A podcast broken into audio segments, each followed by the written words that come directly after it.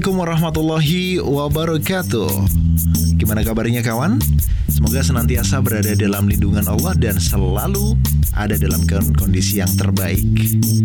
Alhamdulillahirrabbilalamin Salatu wassalamu ala syarafil anbiya wal mursalin Sayyidina Muhammadin wa ala alihi wa ashabihi wa man tabi'ahum bi illa yaumiddin Alhamdulillah senang sekali. Jomblo Talk bisa kembali menyapa di ruang dengar kamu setelah beberapa hari kemarin uh, kru kulminasi pada menghela nafas pada bukan istirahat sih tapi karena memang ada sesuatu yang akan kita siapkan untuk season kedua nanti. Dan ternyata juga Jomblo Talk juga sudah masuk di episode-episode terakhir nih.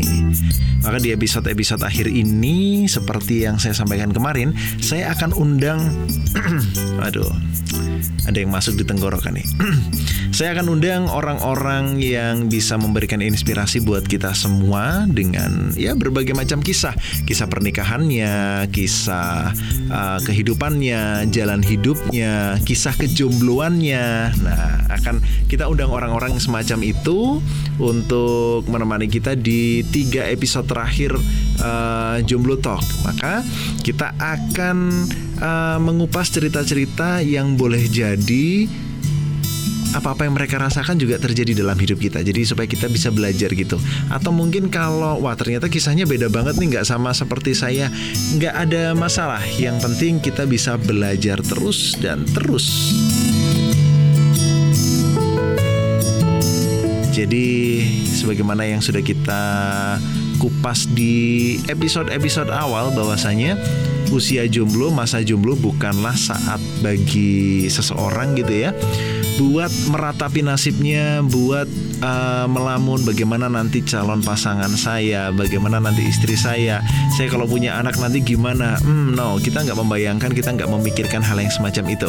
Karena jomblo itu bukan untuk diratapi, tetapi untuk diakhiri. Menikah itu juga bukan untuk dibayangkan akan tetapi pernikahan adalah untuk dijalani. Oleh karena itu buat kamu yang sekarang masih jomblo persiapkan diri sebaik mungkin. Nah di episode kali ini saya akan ditemani di segmen pertama nanti ya. Uh, Beliau akan masuk di ruang dengar kamu. Nah oleh Mas Muhammad Fadli. Eh tapi kita sapa sekarang aja nggak apa-apa. Beliau saya datangkan jauh-jauh dari Taiwan Muhammad Fadli tapi dari Taiwan. Iya, aslinya itu mahasiswa uh, habis lulus, mahasiswa kuliah di Indonesia, habis itu lulus, kemudian alhamdulillah dapat uh, kesempatan untuk melanjutkan studinya di Taiwan. Nanti akan kita obrolin sesuatu yang perlu kita persiapkan karena uh, beda ya orang yang jomblo dengan orang yang sudah nggak jomblo kalau membahas seputar ini. Jadi kita akan berbicara dengan uh, perspektif seorang jomblo. Langsung aja kita sapa. Assalamualaikum warahmatullahi wabarakatuh. Waalaikumsalam warahmatullahi wabarakatuh. Gimana kabarnya Mas Dias? Eh kebalik ya. iya deh, lama lama nggak ketemu dia yang kangen ya. duluan berarti sama saya. kangen banget malahan. Iya, alhamdulillah uh, Mas Fadli baik-baik saja dan ya alhamdulillah uh, sejak Mas Fadli pergi ke Taiwan akhirnya saya meratapi kesendirian saya. Oh, gitu. Akhirnya bikin Siap. podcast. Iya iya iya iya. Enggak enggak enggak. Ya, ya alhamdulillah uh, ya sekarang podcastnya bisa berjalan berkat dukungan uh, rekan-rekan juga yang ada di sini. Gimana ya, kabar ya, ya, di ya. Taiwan kemarin? Jadi uh, saya baru balik ke Indonesia ini tanggal 17 kemarin ya Mas hmm. Tiasa sama teman-teman.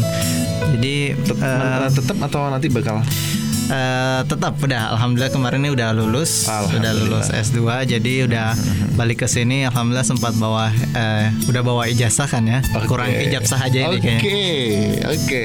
Fix ya? Fix ya? High quality jomblo nih.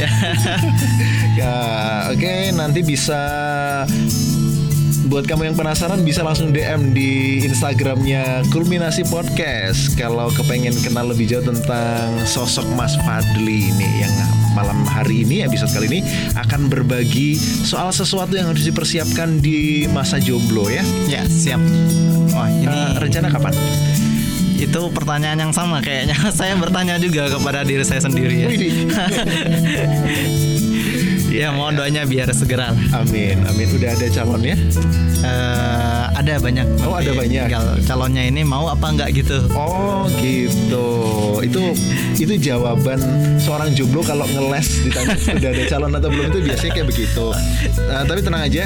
Um, di kulminasi podcast pendengarnya insya Allah banyak yang solihah juga. Oh gitu. Uh, ya. Jadi siap, siap. Uh, kayaknya talk show malam hari ini tempat yang tepat buat Mas Fadli. Oh, nggak salah datang saya berarti ya.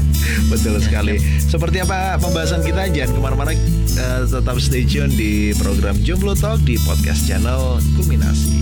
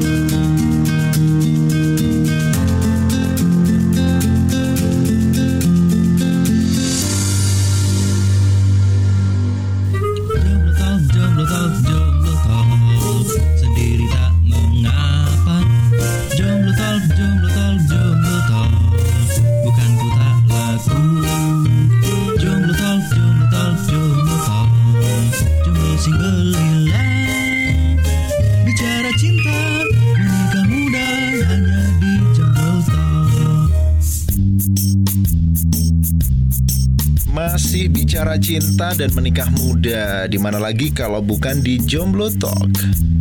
Dan hari ini saya mengundang seorang tamu, seorang high quality jomblo yang baru saja menuntaskan studinya di Taiwan.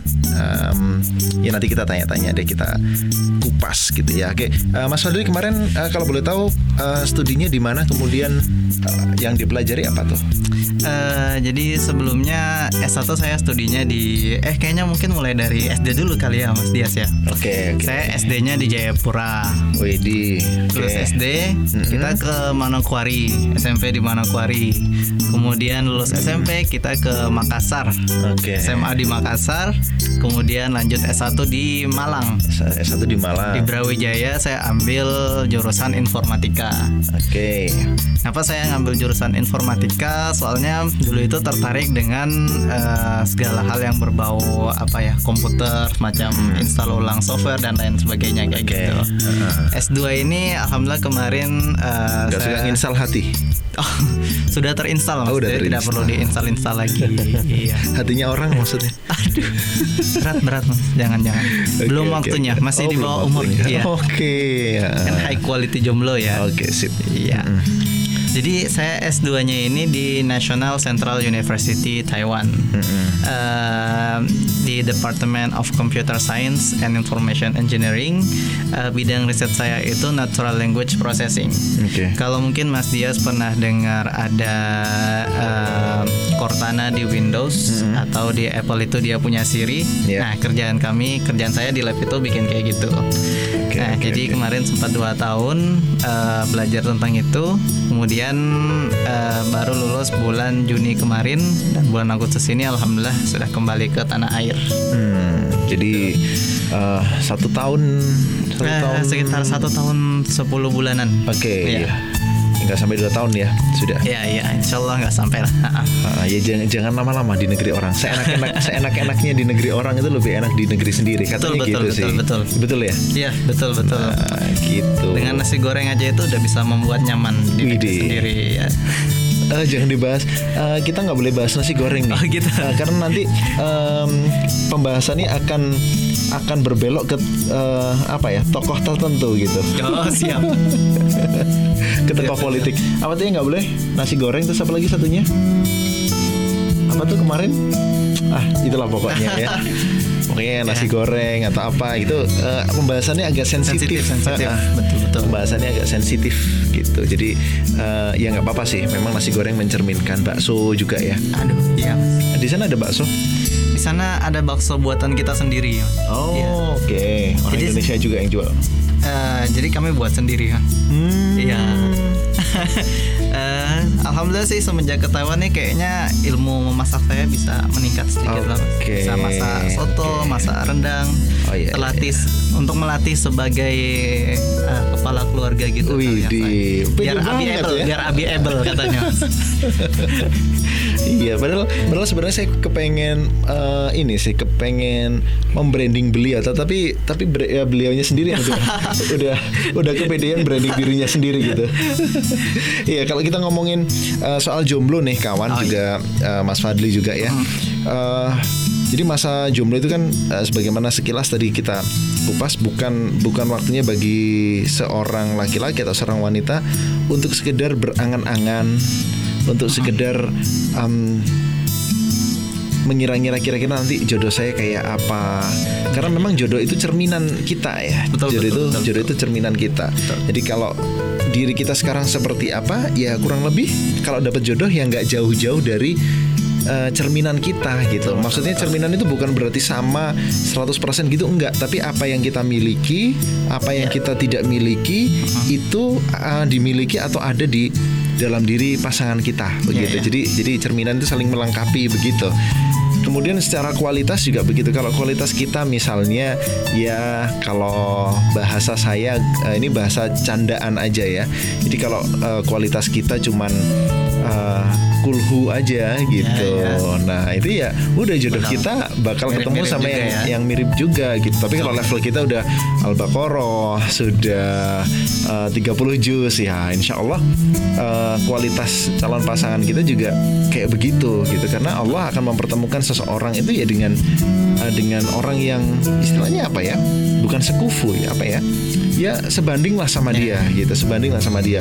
Atau mungkin kalau pepatah saya itu mengatakan bahasanya nggak mungkin seorang ustadz seorang ustadz itu dia akan menikah atau punya istri seorang bartender gitu. Ya. nah kemungkinannya dua bartendernya tobat atau ustadznya tobat gitu. Oh, tobat dari ustadz ya? Uh, uh, uh, pensiun, pensiun dari ustadz gitu. Ya, ya, ya. Uh, pensiun dari ustadz akhirnya jadi DJ oh gitu. Gitu. bisa, bisa, bisa, bisa. ketemu. Nah, jadi kita akan bertemu kawan dengan jodoh kita ya di mana kita sering main, di mana kita menghabiskan waktu ya insya Allah jodohnya dari situ-situ aja. Ya. Jadi kalau kamu suka main di tempat pengajian, ya bukan main sih, maksudnya ngaji gitu ya, suka dekat-dekat dengan pengajian, dekat-dekat dengan orang yang soleh, insya Allah jodohnya dari situ juga. Ya, ya betul. Kalau uh, tongkrongannya atau tempat mainnya di tempat-tempat yang dalam tanda kutip tempat yang sia-sia yang nggak bermanfaat yang nggak bisa memberikan sesuatu bagi uh, kehidupan akhirat kita ya udah dapatnya ya dari yang begitu-begitu aja gitu ya. jadi jangan protes buat yang laki-laki nanti ketika tongkrongannya uh, di pusat-pusat perbelanjaan di klub-klub malam. Kemudian ketika sudah nikah kamu kepengen tuh. Wah saya kepengen banget nih istri saya bisa berhijab. Ya bisa sih bisa tapi perjuangan untuk mendidik dia kan butuh perjuangan butuh berat ya. perjuangan ya? yang berat. Ya, Mending ya, kita betul, cari betul. yang memang udah sesuai standar Islam, hmm. kita nikahin begitu kan. Didiknya nggak berat-berat amat ya, gitu. Ya. Bisa saling menolong gitu ya. Ah, ya. Ah, betul, betul. Mas Fadli juga gitu tuh. Alhamdulillah. Alhamdulillah di di Taiwan juga ini ya. Di Taiwan uh, ada nggak kegiatan-kegiatan pengajian uh, atau ada banyak sekali gitu? mas. Uh, jadi di Taiwan itu kita sebenarnya uh, karena kita sebagai mahasiswa ya, jadi kita hmm. lebih banyak untuk mengedukasi teman-teman atau saudara-saudara yang sedang bekerja di sana. Hmm. Jadi TKW, jadi uh, tenaga kerja yang uh, merantau ke sana. Hmm. Kemudian kita banyak uh, sharing-sharing dengan mereka, kemudian adakan pengajian sama mereka. Hmm. Uh, sering juga beberapa kali kami itu ke penjara malahan. Oke. Okay. Ya beberapa tenaga kerja yang bermasalah itu ditahan di penjara kemudian kita masuk ke penjara sampai ke sel-selnya kita uh, sharing dengan mereka berdakwah uh, tentang Islam kemudian tentang keimanan bahkan mungkin uh, kadang mengajarkan mereka tentang bagaimana uh, berbusana secara muslim gitu. Oke. Okay. Uh, kadang juga kita uh, target dakwah kita itu kepada orang-orang uh, lokal, orang asli Taiwan. Hmm. Kita memperkenalkan makanan halal itu seperti apa, kemudian okay. pakaian muslim muslim berpakaian itu seperti apa kayak gitu, hmm. Mas ya. Kalau mayoritas di sana orang aslinya agamanya apa sih? Mayoritas itu mereka tidak beragama. Ateis ya? Ya, ateis benar hmm. sekali. Uh, secara kalau secara uh, sejarah nenek moyangnya mereka itu paling banyak itu uh, Hin Buddha. Oh Buddha. Ya Buddha. Mm-hmm. Jadi mereka menyembah dewi dewa dewi dan mm-hmm. dewi yang paling terkenal di sana itu Dewi Kuan Yin. Oke. Okay. Ya. Jadi kalau dulu itu kerasakti ya, kerasakti ya, ya. Itu di sana tuh terkenal banget tuh Mas Yas. Mereka okay, mau okay, ujian, mau apa segala macam itu berdoa berdoa dulu ke kuil oh. minta sama Dewi Kuan Yin nah, kayak gitu. uh, tapi uh, yang muslim itu ada sekitaran ya paling nggak sampai tiga persen empat persen sekitaran hmm. dua hmm. persenan lebih penduduk aslinya ya, penduduk aslinya hmm. betul dan sayangnya uh, semakin ke bawah itu generasinya uh, kurang kurang sudah kurang kuat lagi ya karena yeah. untuk dari generasi satu ke generasi yang lain untuk mengajarkan ilmunya itu sudah mulai uh, berkurang kemampuannya. Hmm, oke yeah. oke. Okay. Iya, jadi saya uh, uh, tadi obrolan itu mengingatkan saya uh, apa yang kita baca, apa yang kita makan, apa yang kita telan, apa yang kita lihat itulah diri kita. Betul betul. Gitu. Jadi uh, saya membayangkan gimana ceritanya ketika orang-orang di sana, katakanlah kita uh, kita belum sampai bicara yang ateis ya, uh-huh. kita bicara yang Muslim dulu. Yeah. Ketika generasi Muslim itu semakin uh, ke sini generasinya semakin terdegradasi keislamannya, yeah. itu kita bisa bayangkan bagaimana nanti ketika mereka udah dewasa, Betul. kemudian mereka berkeluarga betul. punya anak anaknya dididik kayak apa nah iya nah kemudian degradasi anaknya itu kayak apa lagi begitu betul betul betul makanya nah. uh, sekarang itu kita sekarang uh, sedang mencoba untuk uh, menghubungkan para remaja-remaja muslim mm -hmm. dari Indonesia mm -hmm. yang sedang di Taiwan dengan remaja-remaja muslim lokal okay. gitu mas uh, sayang saja uh, kita masih terkendala di bahasa ya karena tentunya kan di sana mereka bahasanya Chinese oh Mandarin ya, Mandarin Mandarin okay, okay. tidak terlalu bisa untuk bahasa Inggris itu gitu. kurang ya kurang kurang jadi kita uh, belajar bahasa Mandarin uh, ya saya bisa Mandarin dikit loh jadinya oh gitu, gitu. Ya. coba coba coba ya. uh, sapa uh, assalamualaikum selamat malam kawan gitu Oh, uh, assalamualaikum, niman hao, uh, uh, hao. Jadi Tachehao itu hello everyone kayak gitu. Oke. Okay. Henkaosheng Rensheni, nice to meet you. Gitu. Asik. Saya bi, uh, bi, uh, bisanya cuman wa ini aja. Oh, gitu gitu. Jangan diucapin ke saya dong mas. Oh gitu. Ya. Enggak kan saya nggak ngucapin. Oh gitu. Saya cuma cerita aja oh, gitu. gitu. Nah, di rumah di rumah udah ada yang tiap hari saya ucapin begitu. Uh, iya iya iya. saya salah tempat kayaknya ini nih. Asik di studio ini ceritanya ada tiga orang yang langsung kepalanya wah begitu ya. Enggak enggak. Uh, itu saya ya enggak, bukan enggak ada maksud menyindir sih, ya. cuman cuman sharing aja gitu bahwa kalau kita punya seseorang yang bisa kita ucapin kata-kata manis itu menyenangkan gitu loh. Asik yeah, yeah, yeah. gitu apalagi kayak Mas Fadli begini ya Seringkali dalam beberapa video saya uh, mengucapkan kalau kita bisa bersama dalam taat, kenapa kita harus memilih sendiri begitu? Apalagi yang kamu tunggu gitu. Nah itu ada di Instagram Instagram saya kalau nggak salah itu ada ada video saya lupa lupa detailnya kayak gimana gitu. Jadi uh, ilmu itu nggak berlari sekencang angin gitu kan. Terus uh, apalagi tuh lupa saya ya intinya begitulah kalau kita uh, katanya kepengen apa uh, kita udah kita punya keinginan untuk menikah tapi kita masih harus prepare dulu apa yang harus kita siapin dan lain sebagainya itu kan semua dipelajari gitu. Betul betul. betul. Nah kita belajarnya itu juga nggak seperti ilmuwan-ilmuwan atau uh, cendekiawan muslim di zaman dahulu yang akhirnya ketika belajar mereka lupa lupa menikah gitu. Iya, iya. Nah kita kan belajarnya nggak gitu-gitu amat kan. Lebih santai kali. Ya. Lebih santai walaupun SD-nya di Jayapura, SMP di Manokwari, SMA di Makassar, S1 di Malang, S2 di uh, Taiwan itu uh, mungkin juga nggak seberat uh, bagaimana uh, sekelas uh, siapa ya ya sekelas uh, Ibnu Rushd atau ya ilmu ilmuwan-ilmuwan muslim terdahulu ketika mereka mempelajari sebuah ilmu gitu. Kan nggak gitu-gitu amat ya? Iya iya iya. Nah nggak gitu-gitu amat. Terus uh, apa yang membuat uh, diri kamu itu tertahan untuk nggak mensegerakan. Padahal generasi yang seperti disampaikan oleh Mas Fadli tadi itu sudah benar-benar membutuhkan generasi muda yang berkualitas lagi gitu. Kalau semakin lama ditunda berarti punya anaknya kan juga semakin tua. Ya. Semakin tua artinya usia kita semakin nggak produktif.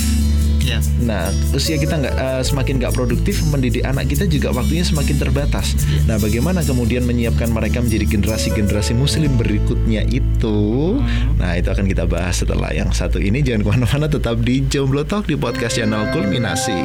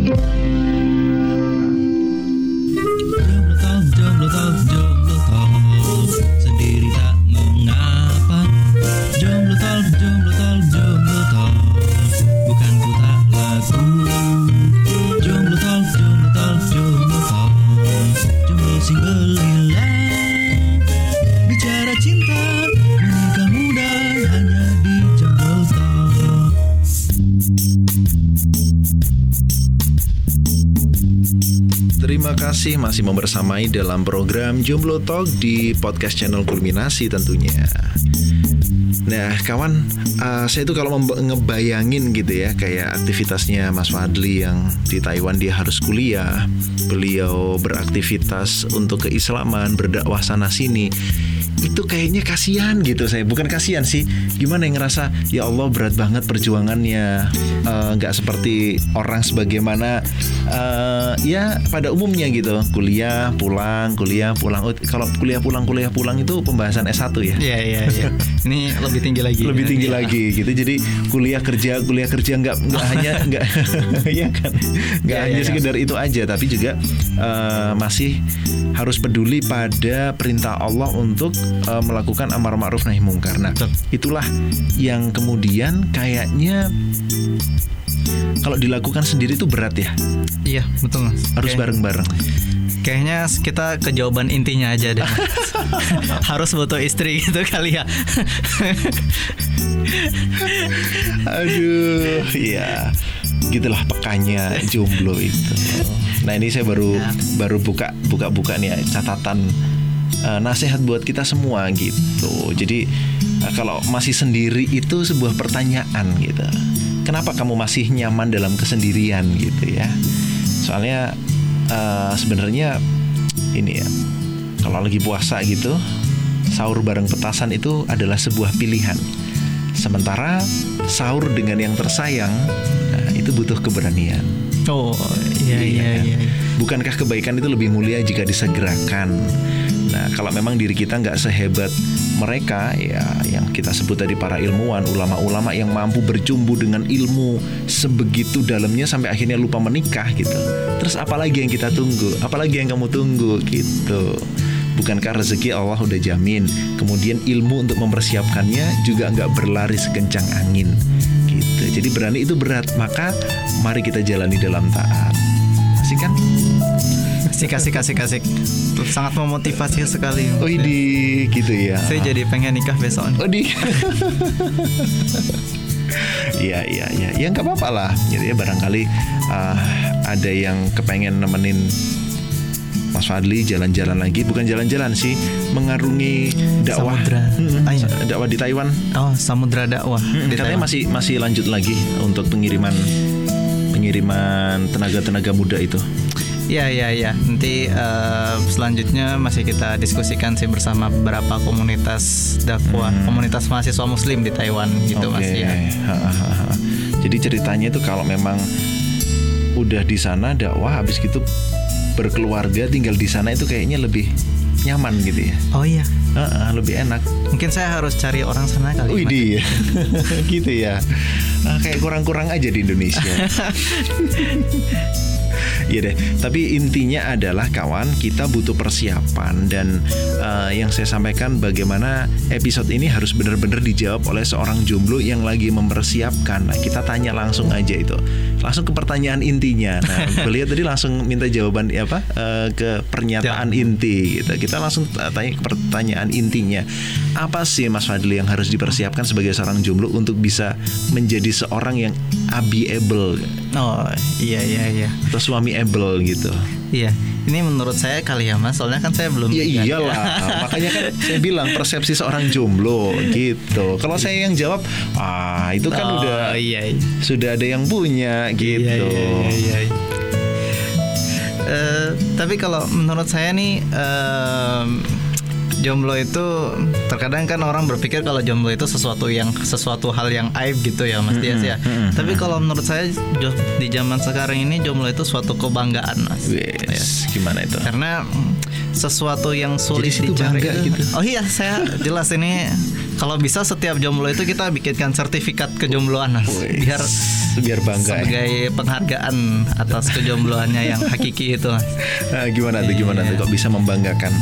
Uh, karena jomblo itu mereka bisa menahan diri mereka untuk tetap jauh uh, dari mendekati zina itu mas hmm. Yes. apalagi kalau uh, saya merasa ya pengalaman saya pribadi di Taiwan nih itu di sana itu sangat sulit sekali untuk menjaga pandangan hmm. untuk kemudian menjaga pergaulan itu sulit banget mas Dias hmm. soalnya apalagi kalau summer nih musim panas hmm. itu di sana kan uh, agak terbuka terbuka gitu ya ininya rumahnya ya. Uh, ininya anunya toko toko ini Kampus, apa uh, tiga kata tiga kata oh, gitu. ya, ya, ya itunya ya, lah uh, ya paham paham paham uh, jadi sulit sekali untuk menjaga menjaga menjaga diri kayak gitu. Hmm, menjaga pandangan terutama. Menjaga ya. pandangan terutama. Makanya jomblo orang yang jomblo ini benar-benar seseorang yang bisa menahan dirinya banget gitu. Hmm, jadi waktu ya. summer gimana? Kemarin bawa kacamata kuda gitu. Oh gitu. Waktu summer itu untungnya saya tetap di dalam lab saya aja ya, jadinya nggak oh, keluar-keluar okay. gitu. Keluarnya pas malam, pas udah gelap gitu. Okay. Pulangnya. Jadi pandangan udah nggak jelas gitu. Ya? iya iya betul betul. Iya iya terus terus gimana terus? Uh, kalau menurut saya nih Mas Dias ya, mm -hmm. uh, kita itu uh, untuk mempersiapkan diri kita menjadi seseorang yang able itu, mm -hmm. pertama kita harus punya uh, keimanan yang kuat dulu untuk mm -hmm. untuk kemudian uh, keimanan dari dalam dari dalam diri kita sendiri dulu. Mm -hmm. Bagaimana kita bisa uh, bagaimana kita mau membangun keluarga yang kuat imannya, mm -hmm. anaknya kita itu kita ajarkan keimanan yang kuat itu bagaimana caranya kalau kita tidak punya uh, iman yang kuat itu sendiri mm -hmm. dari awal. Nah, bagaimana caranya biar kita uh, bisa punya iman yang kuat ini? Pertama ya tentunya kita harus kumpul dengan teman-teman yang soleh. Hmm, kemudian kita okay. harus ngaji, kemudian kita harus uh, banyak belajar tentang keislaman bersama guru-guru kita kayak gitu. Hmm, hmm, hmm. Nah, uh, ya jadi intinya poin utamanya sih terus memperbaiki diri Mas Dias. Hmm. Soalnya sama seperti yang Mas Dias bilang tadi, jodoh itu kan cerminannya kita. Yeah. Kalau menurut saya sih jodoh itu kan bukan jodoh itu mirip seperti kematian gitu loh. Mm-hmm. Tidak perlu kita kejar, dia bakal mengejar-kejar kita. Okay. Eh bukan berarti saya dikejar-kejar akhwat gitu ya, oh, iya. tapi maksudnya jodohnya itu enggak, enggak, saya saya nggak mikir oh, begitu. gitu ya. Gak ada yang mikir gitu ya. Berarti saya aja yang mikir uh, gitu uh, kayaknya. uh, itulah efek kelamaan jomblo gitu. Aduh aduh aduh. Jadi bayangannya ke mana-mana. Iya iya iya iya. Nah, terus terus terus terus. Jadi tanpa perlu kita berlari berlari mengejarnya pun dia akan uh. mendekat kepada kita gitu. Jadi okay. yang perlu kita lakukan itu mempersiapkan diri kita sebaik mungkin supaya ketika dia setelah, setelah dia sampai telah setelah mengejar kita itu kita sudah siap hmm. dengan menghadapi itu. Oke, okay. kalau dari kemarin itu episode-episode uh, Jomblo Talk terutama yang uh, episode 9 ke atas itu kita udah kita lagi bahas soal pernikahan pernikahan pernikahan gitu kan pernikahan itu adalah ibadah macem-macem uh, kalau orang pada umumnya sih memang memandang ibadah itu kan apa sih ibadah itu ya sholat puasa zakat haji ya, ya. rukun Islam itu kemudian ibadah-ibadah mahdoh yang lain gitulah ya. ya nah kemudian kalau dari pandangan seorang pemuda ya karena memang Mas Fadli kan masih muda satu yang kedua belum menikah jadi cocok jadi pemuda banget gitu dipanggil pemuda masih cocok gitu ya. Iya iya. Uh, apa sih definisi ibadah kemudian uh, bagaimana menjalani ibadah itu dalam uh, keseharian kita artinya di luar sholat, di luar puasa, di luar zakat, di luar ya ibadah-ibadah mahdoh begitu gimana sih menjalani ibadah? Um, intinya dari ibadah itu kan uh, kita harus tetap mengingat Allah Subhanahu wa taala. Bagaimana okay. kita dalam setiap kondisinya kita itu kita tidak lupa sama Allah. Nah, maka dari itu uh, kita harus uh, tetap kita harus tetap berzikir, kita hmm. harus tetap kemudian dalam segala hal yang kita lakukan itu kita niatkan karena Allah. Okay. Ya, termasuk nanti kalau misalkan kita mau nikah juga hmm. itu karena nikah itu kan bukan ibadah yang main-main ya jadi Betul. ibadah yang terpanjang dalam uh, umur kita kali ya hmm. karena mungkin dari sini sampai kemudian sampai kita mati nanti hmm. jadi benar-benar harus kita niatkan karena Allah Subhanahu Wa Taala perlu kita luruskan niat itu ketika kita mau menikah. Bukan bukan hanya karena pengen ikut-ikutan tren nikah muda hmm. kemudian uh, kita jadi ikutan nikah muda tapi kita harus benar-benar luruskan niat. Ini benar-benar karena Allah karena saya mau melindungi diri saya dari uh, segala macam hal-hal yang bisa menjerumuskan saya kepada maksiat. Yeah. nah itu niatnya perlu kita perbaiki lagi. Hmm. nah mungkin saya sekarang nggak nikah-nikah karena masih memperbaiki niat gitu kali ya oke. Okay sambil Ya. cari juga ya. Ya sambil cari. Eh, Sebenarnya mungkin poin utamanya karena belum ada yang datang kali ya. Oh gitu mau didatengin. bisa Iya. bisa bisa bisa bisa dibantu kok itu. Oh gitu. Heeh, gampang gampang kalau mau sekedar didatengin aja gampang. Oh, didatengin. Ah, iya, tinggal kan cari orang yang mendatangi ini berkualitas juga gitu. Betul betul. Ntar kalau yang mau datengin malu gimana? Ah, saya kan perempuan, masa saya yang datengin duluan? Iya iya iya. Harusnya saya yang datang. Iya, berarti. betul. Oh iya. Kok saya dibalikin nih jadi-jadi. Enggak, artinya barangkali bukan didatengin tapi ditawarin. Betul. Ah, ditawarin udah siap ya kalau udah ada yang mau menawarkan diri begitu? Oh insya Allah. Oh insya Allah sudah siap gitu ya. Jadi eh, teman-teman yang ada di ruangan ini juga nih ya dengerin tuh. Mas Fadli udah siap. Jadi kalau memang ada eh, kabar-kabar gembira, nah bisa disampaikan kepada beliau ya. Ya. Nah kalau kita ngomongin soal tujuan dari pernikahan adalah ibadah, kemudian eh, tujuan hidup tentunya ya seperti kita bahas tadi adalah eh, sebuah ibadah gitu Ya, kan. betul, betul. Nah Ya, tapi eh, nanti untuk membimbing eh, keluarga, terutama kita sebagai seorang laki-laki itu apa sih sekarang yang harus bener-bener eh, di mindset kita itu hidup itu tujuannya adalah ibadah. Hidup itu begini begini begini itu eh, gimana sih sebenarnya kok kenapa harus beribadah? Kenapa bukan yang lain? Itu gimana Ya, sih? ya, ya. Eh, itu kan kembali kepada perintah dari Allah Subhanahu Wa Taala. Eh, eh, perintah kepada kita untuk kemudian eh, melakukan melakukan ibadah dalam hidupnya kita. Kemudian kita juga eh, terus mengingat Allah Subhanahu Wa Taala. Makanya setiap pernikahan, setiap yang kita lakukan itu kita harus eh, kita harus eh, bertanya kepada diri kita bahwasanya Oke, kita ini eh, berasalnya dari mana, kemudian kita ini di dunia ini untuk apa, kemudian setelah dari dunia ini kita mau ke mana gitu. Eh, pertanyaannya ya sangat simpel sekali. Kita tentunya kan berasal dari eh, eh, Allah Subhanahu Jawabannya, wa taala. Iya, jawabannya. jawabannya. Kita berasal dari diciptakan oleh Allah Subhanahu wa taala untuk beribadah dan setelah mati ini kita akan kembali kepada Allah Subhanahu wa taala. Maka dari itu setiap yang kita kerjakan itu harus sesuatu yang membawa kita lebih dekat kepada Allah. Itu Mas Dias. Eh, yang perlu kita persiapkan itu banyak hal tentunya seperti kemudian mempelajari Islam dan kemudian eh, eh, kemudian melak- beribadah dan melakukan hal yang mendekatkan kita kepada Allah Kayak gitu Hmm. Jadi kalau tadi dibilang pernikahan itu ibadah yang paling lama, kayaknya hubungan perni eh, ibadah pernikahan itu kan eh, ini ya. Kalau seorang laki-laki kemudian menikah seorang wanita berarti kan dia mengambil tanggung jawab seorang wanita itu dari bapaknya ya. Iya ya betul Berarti kan apa-apa yang nanti dikerjakan oleh istrinya kalau itu dosa, kalau itu perbuatan maksiat, itu kan yang bertanggung jawab adalah suaminya. si suaminya Nah, bahaya sekali kawan kalau seorang suami nggak ngerti yang seperti ini tadi, nggak ngerti dia berasal dari mana, terus tujuan hidupnya apa, kemudian setelah man- mati nanti mau kayak apa begitu iya, ya. Ya, bayangin seseorang seorang laki-laki, seorang suami nggak ngerti kalau ternyata atau nggak menyadari bahwa di akhirat kelak nanti kita akan ditanya gitu, buat apa kamu hidup? ya Uh, dulu ketika hidup di dunia itu udah sesuai nggak dengan uh, apa namanya perintahku gitu kalau Ya, ya. Allah bertanya. Nah habis itu dipanggil istrinya tuh istrimu kelakuannya dulu kayak begini, kamu ngapain aja? Wah itu berat banget kayaknya pertanyaannya dan kita nggak bisa ngulang ya.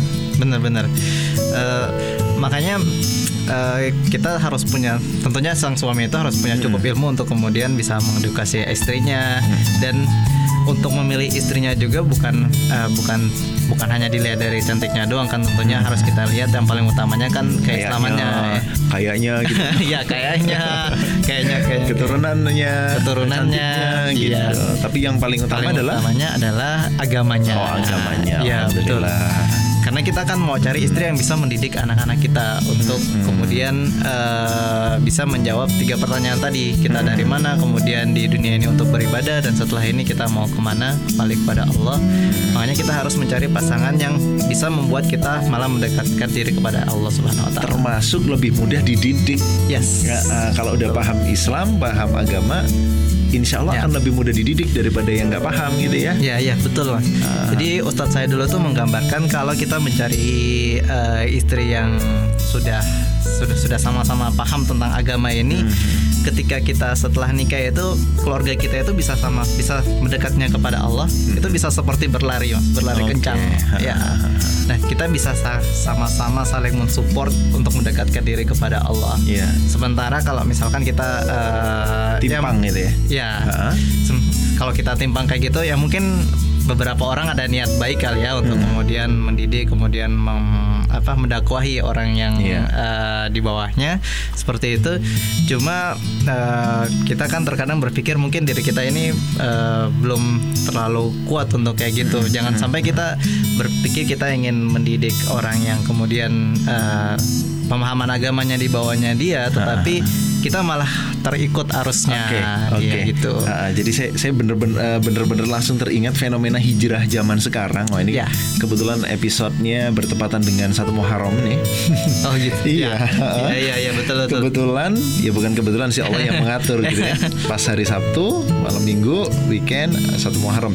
Saya jadi langsung teringat begini. Um, zaman sekarang fenomena hijrah semakin banyak, kemudian hmm. uh, nggak sedikit di dalam komunitas-komunitas hijrah itu ada orang-orang orang-orang udah menikah gitu. Betul betul. Yang kepengen hijrah cuma salah satunya, entah suaminya aja atau istrinya aja. Oh, Dan iya. ternyata ketika mereka udah membulatkan niat untuk hijrah ternyata masalah pertama kali muncul dari pasangannya sendiri gitu yep. pasangannya masih berat untuk diajak hijrah yep, betul nah itu itu fenomena yang muncul karena itu tadi mungkin ya, ya. banyak banget kayaknya hmm. mas uh, contohnya mas Dias jadi uh, nah itulah mengapa kita harus pintar-pintar kemudian memilih uh, istri memilih pasangan hidup kita iya. bukan hanya memilih istri ya karena mungkin iya. pendengarnya ada yang ibu-ibu juga kan okay. ya untuk memilih mbak, suami mbak, mbak, oh iya mbak-mbak kalau ibu-ibu. Kalau ibu-ibu mah perempuan yeah, sensitif yeah, dengan panggilan yeah, begitu. Iya, iya, iya. Bahaya, bahaya. Iya, calon pasangan gitu ya. Calon pas, ya, memilih calon pasangan kita. Uh, it, kita calon pasangan yang harus kita pilih itu ya tentunya yang bisa membuat kita sama-sama berlari hmm, mendekat kepada Allah Subhanahu wa taala. Iya, iya, iya.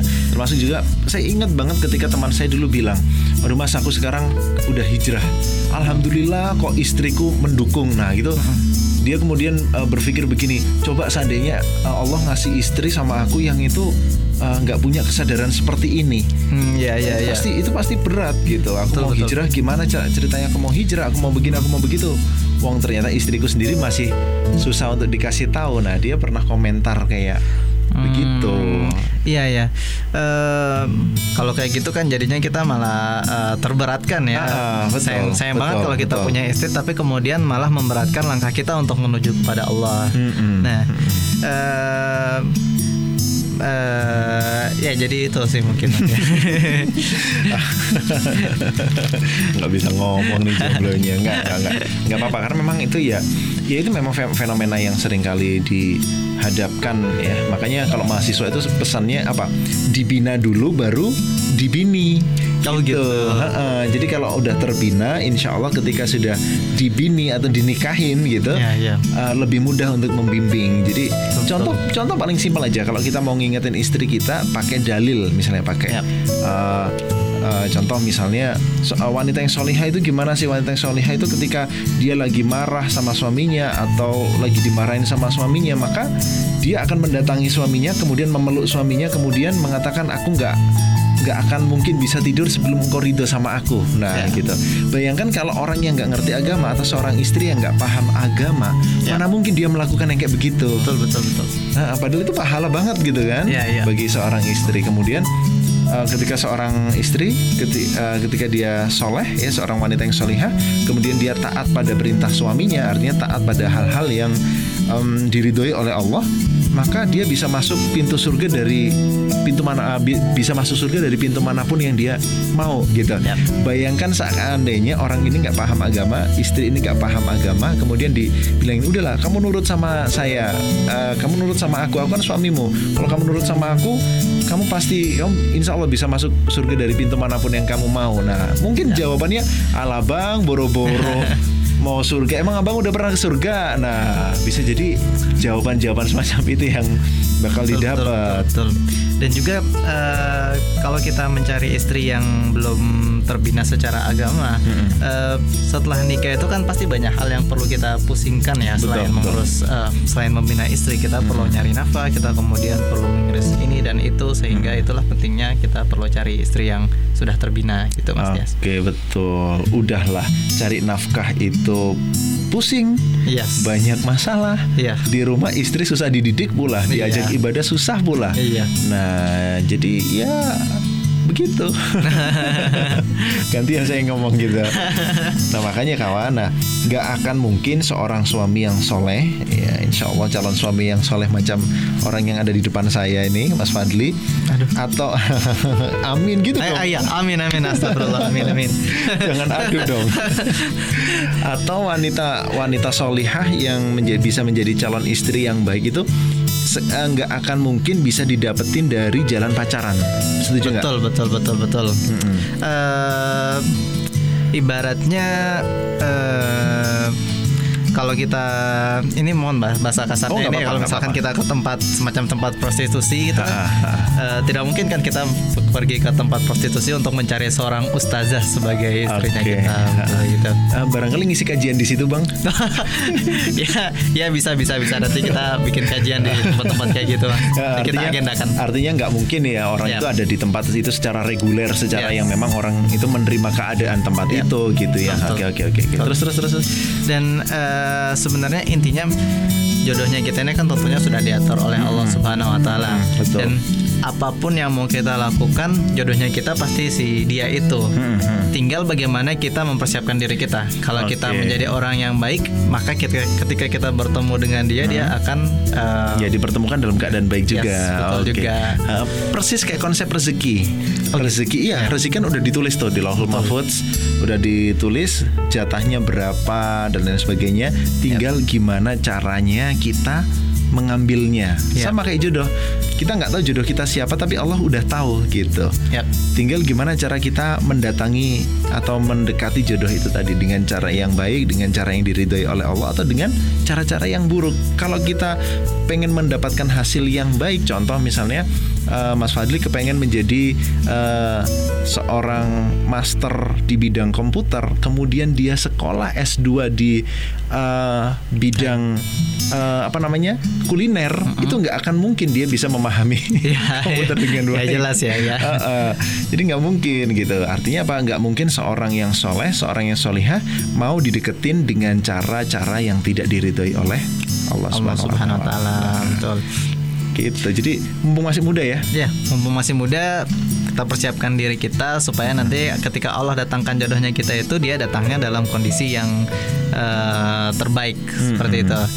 Nah, eh, kalau menurut saya sih tentunya seperti apa pun seperti apa pun diri kita ini, seperti apa diri kita ini eh, itu akan mencerminkan nanti jodohnya kita yang Iya. akan datang itu. Betul. Ya. Maka mumpung masih muda, mu- masih muda banyak belajar, banyak berkreativitas Betul. untuk untuk dakwah untuk ke- untuk untuk kebaikan Islam ya. Ya, ya, ya, Ah, ya, jadi ya. contoh Mas Fadli dengan eh, ilmu IT-nya. Nah, gimana caranya berkontribusi eh, untuk urusan akhirat dengan ilmu yang dia punya itu tadi. Kamu punya ilmu apa? Gimana caranya kamu berkontribusi untuk Islam eh, dengan ilmu yang kamu punya? Nah, iya. Poin Ha-ha. poin pentingnya itu di situ, Mas. gimana Soalnya itu?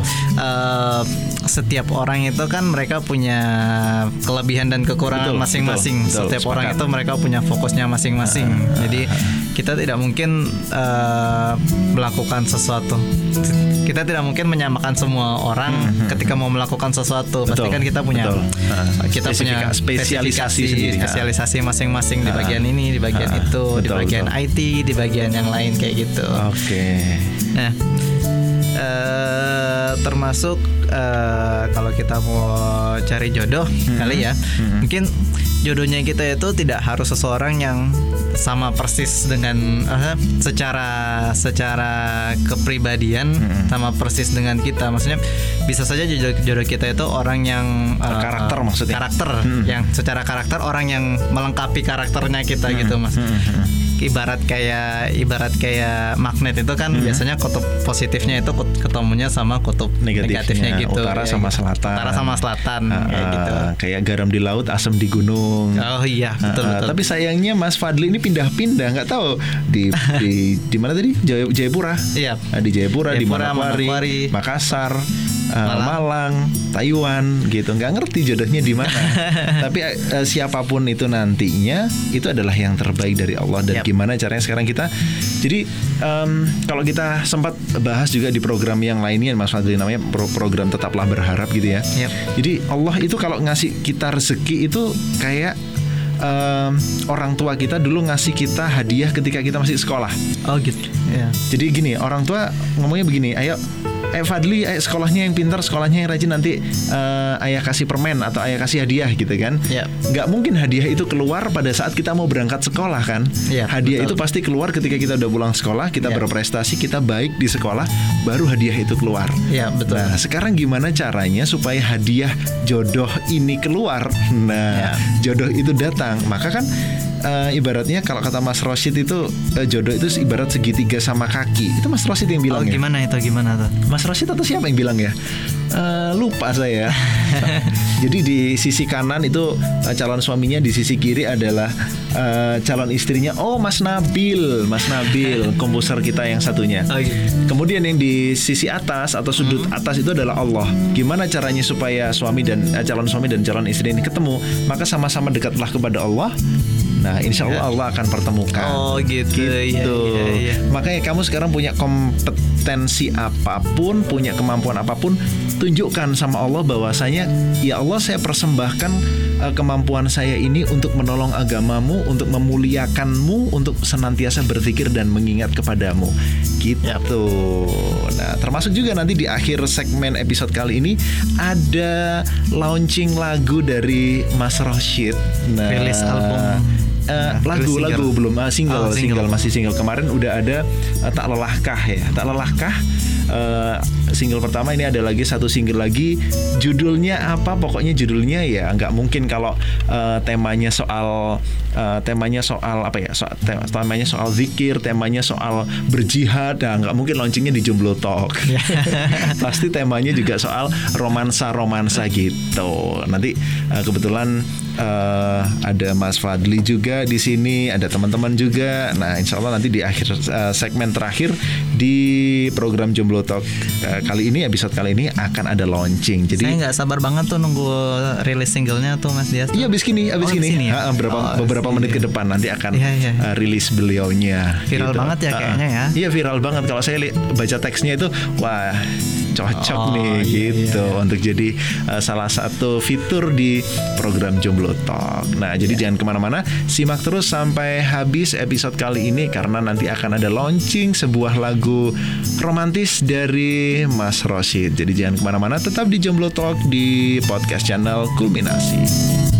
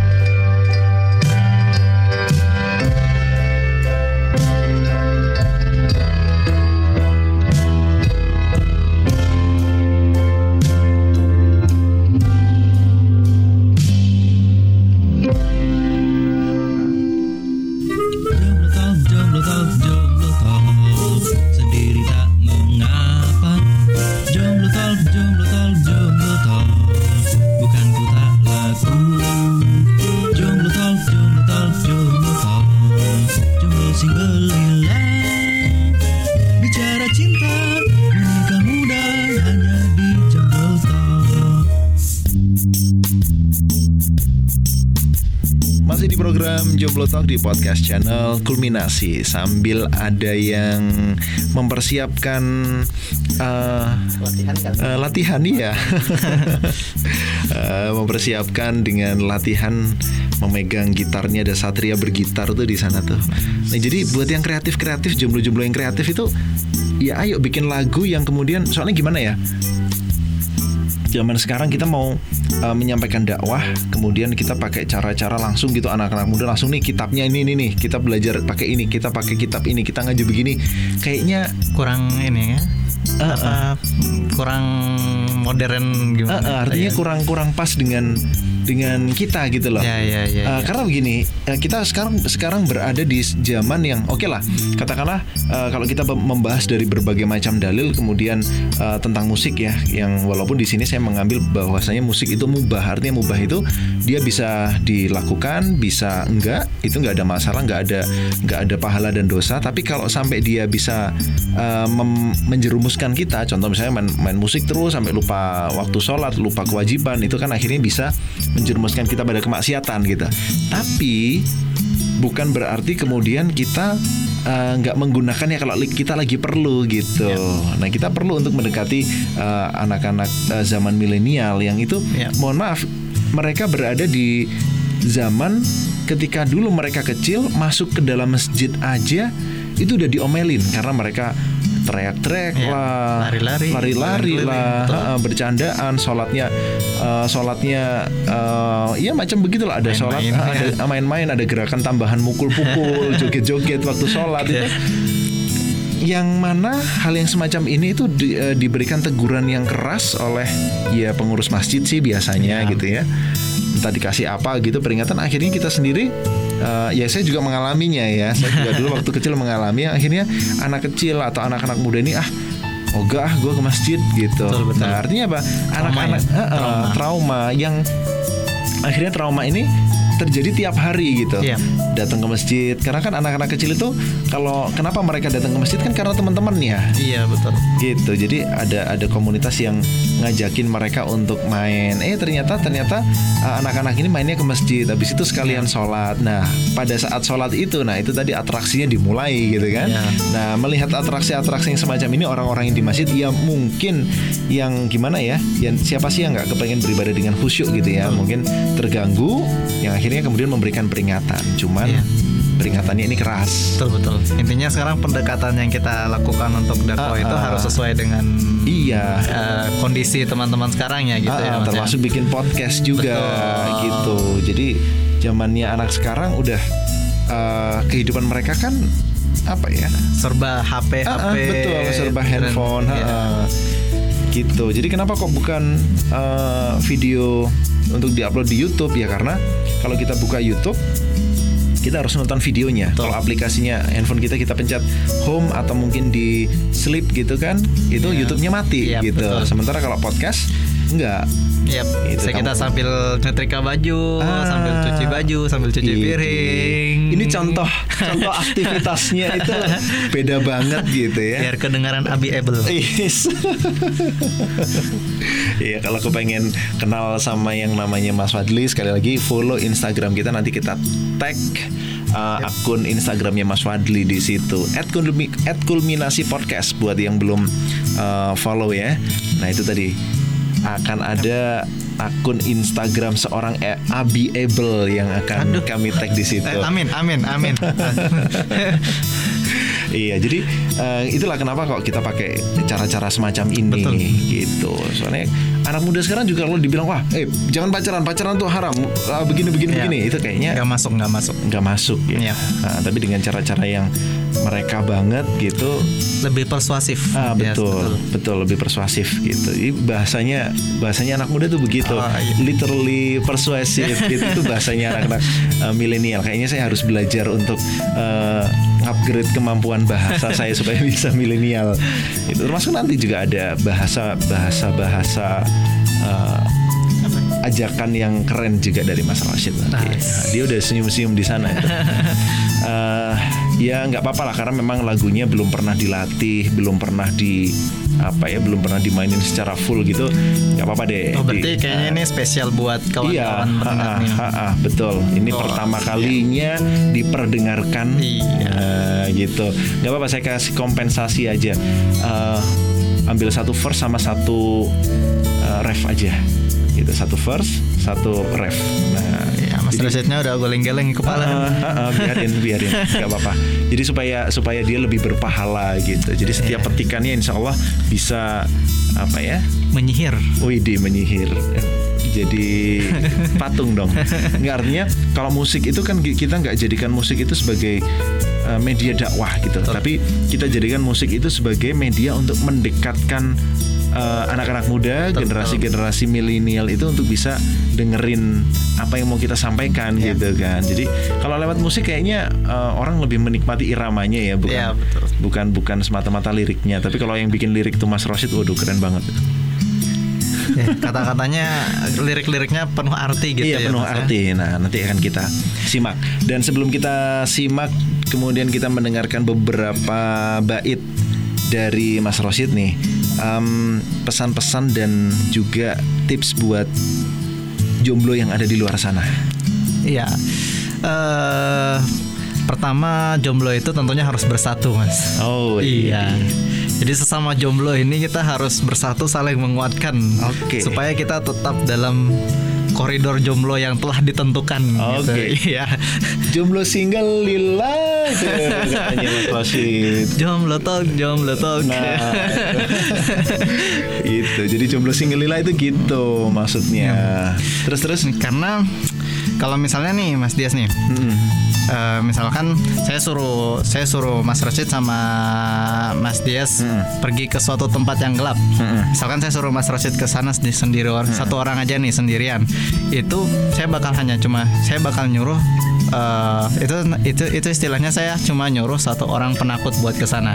Karena dia takut untuk pergi ke tempat gelap. Mm-mm. Tapi kalau saya suruh Mas Rashid dan Mas Dias ke sana barang-barang eh, Walaupun saya takut nih, saya Iya. juga takut nih. Walaupun Mas Dias takut, tapi kalian eh, Mas Dias dan Rashid ini bakal jadi dua orang pemberani jadinya. Oke, karena saling menguatkan itu tadi. Betul. Bukan lagi dua orang penakut, tapi jadi dua orang pemberani. Oke, nah pertanyaannya sekarang, kenapa Mas Fadil masih sendiri?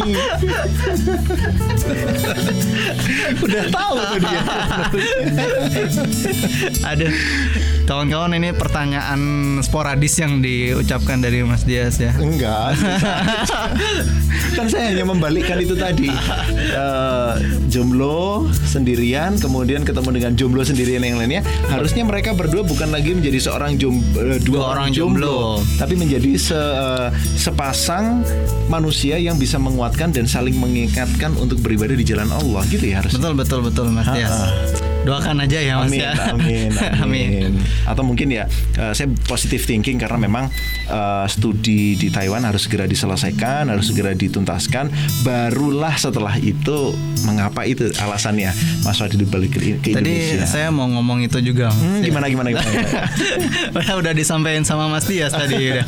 Jadi berarti. Oh gitu. Berarti salah satu niatnya pulang ke Indonesia adalah memang untuk eh, mencari Ya, Jodoh. em, sebenarnya kalau dari pribadi sih saya habis ini mau mondok dulu setengah tahun. Setelah mondok baru kemudian lebih fokus lagi Mas. Oke oke berarti eh, kalau saya boleh berekspektasi nih berarti yang diincar anaknya Kiai. ya kalau ada anak kiai itu lebih bagus lagi. Alhamdulillah. Iya iya. Boleh ya berharap ya. Oh boleh, Ya. boleh. Soalnya di Jomblo Talk ada juga program namanya Tetaplah Berharap gitu. Oh gitu. Nah, jadi kita harus tetap optimis, kita harus yakin Allah akan memberikan yang terbaik buat kita. Betul, gitu. betul, betul. Ha, boleh berharap. Jangan sampai kita hanya berharap saja kita nggak bisa gitu mas. Maksudnya berharap aja enggak Iya. gitu. Ha. Iya boleh kok berharap itu. Kita harus meminta yang terbaik dari Allah. betul betul harus tetap optimis berarti. Ya. Betul, betul, betul ya. Yang Ini berarti buat teman-teman juga yang, Ha, yang merasa buat teman-teman dirinya yang merasa dirinya anaknya kiai nah. Enggak, enggak, enggak. Ya, ya boleh Ya. juga seperti itu, boleh juga seperti itu. Oke, kita kembali ke pembahasan tadi. Semangat, eh, semangat dan tips lagi buat Eh, eh, jomblo.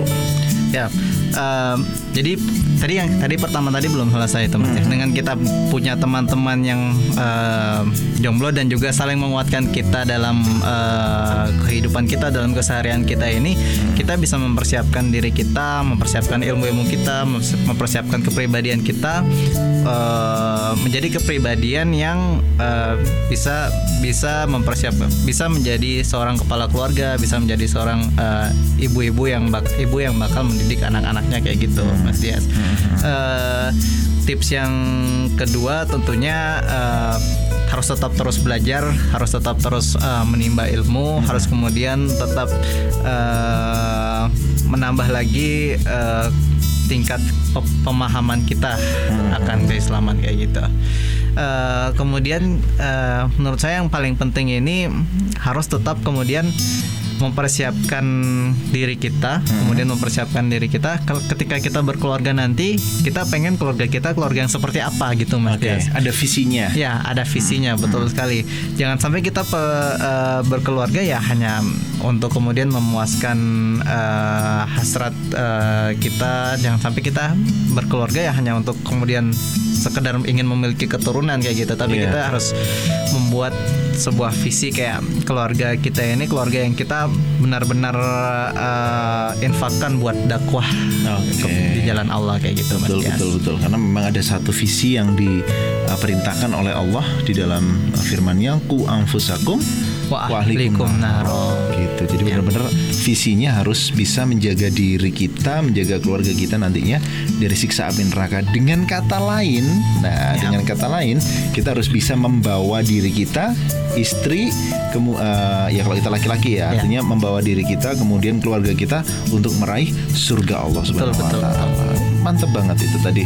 Jadi kita tinggal tunggu actionnya Mas Fadli, kemudian buat amin, kamu, amin. Mm -mm, buat kamu jalanin tuh tips-tips yang tadi dikasih oleh Mas Fadli. Kemudian gini nih nih, ini ini terakhir pertanyaan terakhir. Uh, yang sering terjadi Allah itu kan memang menguji diri kita kan. Ya. Allah senantiasa menguji diri kita. Seandainya datang seorang yang kayaknya wah secara tampilan fisik udah oke, okay, udah cocok banget lah buat kita. Uh -huh. Tapi secara pemahaman masih eh, agama masih kurang, pemahaman agamanya masih kurang dan kayaknya nggak masuk standar kita. Nah, ya. untuk bisa apa ya? Uh, menjadikan itu sebagai kondisi ideal itu gimana? Ditinggalin aja atau uh, oke okay lah uh, kayaknya kayak kayak begini bisa diperbaiki dikit-dikit atau gimana? Hmm, ini semacam pertanyaan ngetes gitu ya? Enggak, enggak, enggak. enggak, enggak, enggak. Saya enggak suka ngetes. Saya saya kalau ngomong uh, apa gitu. uh, tapi saya saya udah pernah punya uh, skenario seperti itu di pikiran saya sebelumnya Mas oh, Dias. Oke. Okay. Saya kira udah punya pengalaman begitu. enggak lah. Enggak, enggak, enggak. Jadi uh, saya pernah kepikiran bagaimana kalau misalkan uh, kita punya uh, ada seorang ada seorang calon yang kita inginkan secara fisik uh, sudah sesuai, secara lain-lain itu sudah sesuai, hanya saja kurangnya itu masalah dalam uh, uh, agamanya, agama. pahaman agamanya. Kawan-kawan uh, yang perlu kita ketahui segala hal itu kayak semacam fisik, kemudian harta, kemudian penampilannya dan sebagainya, keturunan, keturunan dan lain sebagainya uh, itu bukan sesuatu yang akan kita bawa menuju akhirat nanti. Mm-hmm. Jadi fisiknya itu kemudian akan tidak akan akan seperti akan uh, hilang, kemudian maksudnya akan mengalami degradasi dan mm-hmm. kemudian uh, penampilannya juga kemudian tidak akan seperti itu lagi di saat tua nanti dan kemudian hartanya juga pun uh, akan habis dan tidak akan dibawa uh, mati. Mati. Hmm. Satu-satunya akan kita bawa mati itu hanyalah agamanya kita, hanyalah keimanan kita, hanya kecintaan kita kepada Allah Subhanahu Wa Taala. Yeah, gitu. Yeah, yeah, yeah. Jadi buat apa kita kemudian mentret sesuatu yang uh, tidak dibawa mati untuk sesuatu yang benar-benar akan kita uh, bawa mati bertemu kepada Allah Subhanahu Wa Taala. Oke okay, ya. oke. Okay. Jadi perlu dikuatkan niat itunya ya. Betul betul. Oke oke oke. Nah itu tadi sebuah tips dan juga obrolan kita soal mempersiapkan. Ternyata beda banget ya. Ini di, di episode episode uh, kemarin saya sedikit banyak pernah bahas ini gitu. Tapi kayaknya beda banget kalau persepsi jomblo yang menyampaikan dengan uh, yang udah pensiun jomblo lama gitu. Iya iya. Nah, saya saya lupa rasanya jadi jomblo gimana. aduh aduh. Ya soalnya kita sebagai jomblo ini harus tetap update information terus mas nih. Oke. Informasi sih saya update gitu ya. Oh, gitu. Cuman akhirnya saya nggak bisa mempersuasi dengan gaya jomblo barangkali karena udah pensiun lama itu. Oh gitu. Iya iya iya. Jadi harus harus harus eh, langsung interview sama sumbernya. Jadi saya ngupdate oh jadi kayak begini jomblo itu rasanya kayak begini. Iya ya saya jadi ingat waktu itu gitu. It's okay, it's okay. Artinya semakin banyak kita belajar bahkan ketika kita sudah me, apa istilahnya ya menghabiskan bukan menghabiskan apa sih kalau kita baca buku itu apa sih artinya Hmm, Eh, kalau memahami, melewati. enggak artinya baca buku sudah sampai selesai itu apa sih namanya Menamatkan. kalau komik ah kalau komik itu namatin eh, buku Ya. ya. namatin komik kalau Al-Qur'an itu Khatam. menghatamkan gitu Iya. ya nah, kalau buku itu apa sih pokoknya gitulah istilahnya bahkan ketika kita sudah menghabiskan atau menghabiskan membaca satu buku kemudian kita ulang baca lagi dari halaman pertama akan ada ilmu baru lagi yang masuk gitu jadi eh, di Jomblo Talk ini juga saya memang harus sering-sering ngobrol banyak interview juga sama eh, jomblo juga untuk mengupdate eh, informasi gitu. Betul, betul, betul. Ba- kemudian bagaimana kemudian Islam menyikapi itu, bagaimana mempersiapkan diri menjadi manusia yang baik. Nah, termasuk malam hari ini saya belajar banyak juga dari Mas Fadli gitu ya, luar biasa persiapannya, eh, konsep pernikahannya eh, menjadi seorang yang able itu seperti apa. Nah, pokoknya eh, beruntung Amin, banget amin. eh, beruntung banget kita kedatangan eh, tamu spesial Mas Fadli eh, di malam hari ini alhamdulillah dan buat kamu juga jangan lupa untuk share link podcast ini kepada teman-teman kamu sahabat-sahabat kamu orang tua kamu juga karena barangkali eh, se- seseorang yang able di zaman orang tua kamu masih muda dengan zaman kamu sekarang ini udah beda. Maka kamu perlu share. Ini loh Pak Bu gambaran laki-laki zaman sekarang. Pak Bu gambaran wanita zaman sekarang itu seperti ini. Maka aku harus mencari calon pasangan yang seperti ini. Juga sebagai bahan edukasi buat orang-orang di sekitar kamu. Jadi share link sebanyak-banyaknya. Kemudian juga eh, hubungi kami via Instagram melalui DM-nya jadi jangan cuma uh, kita di mention mention di storynya aja gitu kan kita nggak ngerti maksud hati kamu itu apa nih gitu. Itu saya mewakili suara admin. Oh iya. Iya, suara admin ini apa sih kok di post begini gitu kan? Sekali-kali silakan di DM uh, kasih pertanyaan, masukan, kritik atau apa pun supaya nanti kualitas podcast ini lagi uh, bisa meningkat lebih baik lagi gitu ceritanya. Dan akhirnya uh, satu jam sudah berlalu di episode uh, kali ini nggak kerasa karena ngobrolnya berdua apalagi kalau rame-rame. Kalau yang Mas Rashid mau ngobrol tapi nggak nggak akan saya ajak ngobrol di Jomblo Talk season pertama. Kalau ngomong sama beliau uh, di Lentera Jiwa aja gitu lebih, lebih mantap gitu. Nah dan karena satu jam udah berlalu kami harus segera pamit undur diri dari ruang dengar kamu. Dan setelah ini akan ada sebuah single terbaru dari Mas Rashid. Entah seperti apa nanti kita dengerin bareng-bareng. Dan akhirnya saya Ahmad Adiasta dan juga rekan partner saya malam hari ini. Saya Muhammad Fadli. Nah, pamit undur diri dari ruang dengar kamu. Mohon maaf atas segala kekurangan. Jika ada lebihnya, silahkan dibagi-bagikan. Insya Allah kami nggak akan kekurangan kalau kamu bagi-bagiin kelebihannya. Idina siratal mustaqim wa afu minkum. Wassalamualaikum Warahmatullahi wabarakatuh.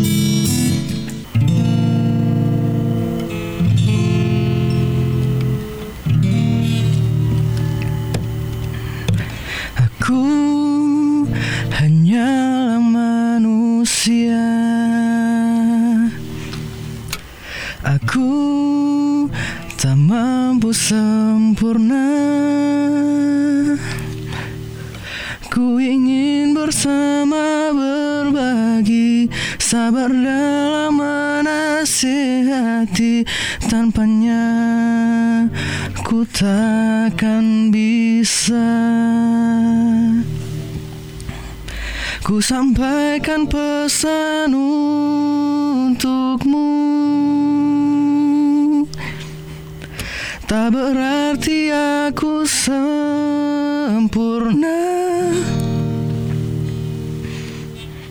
Bukan ku yang terbaik. Bukan ku yang tersoleh Aku hanya ingin kita bersama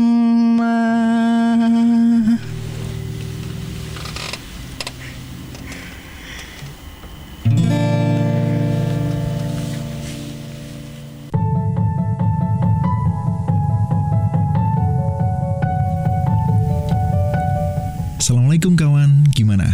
Apakah kamu merasakan manfaat dari adanya podcast kulminasi ini? Jika iya, langsung aja klik tombol follow agar kamu selalu update dengan konten-konten kulminasi. Silahkan juga share link podcast kulminasi agar manfaatnya dapat dirasakan oleh lebih banyak orang lagi. Dan jangan lupa follow Instagram kami di @kulminasi_podcast agar kita bisa saling sapa.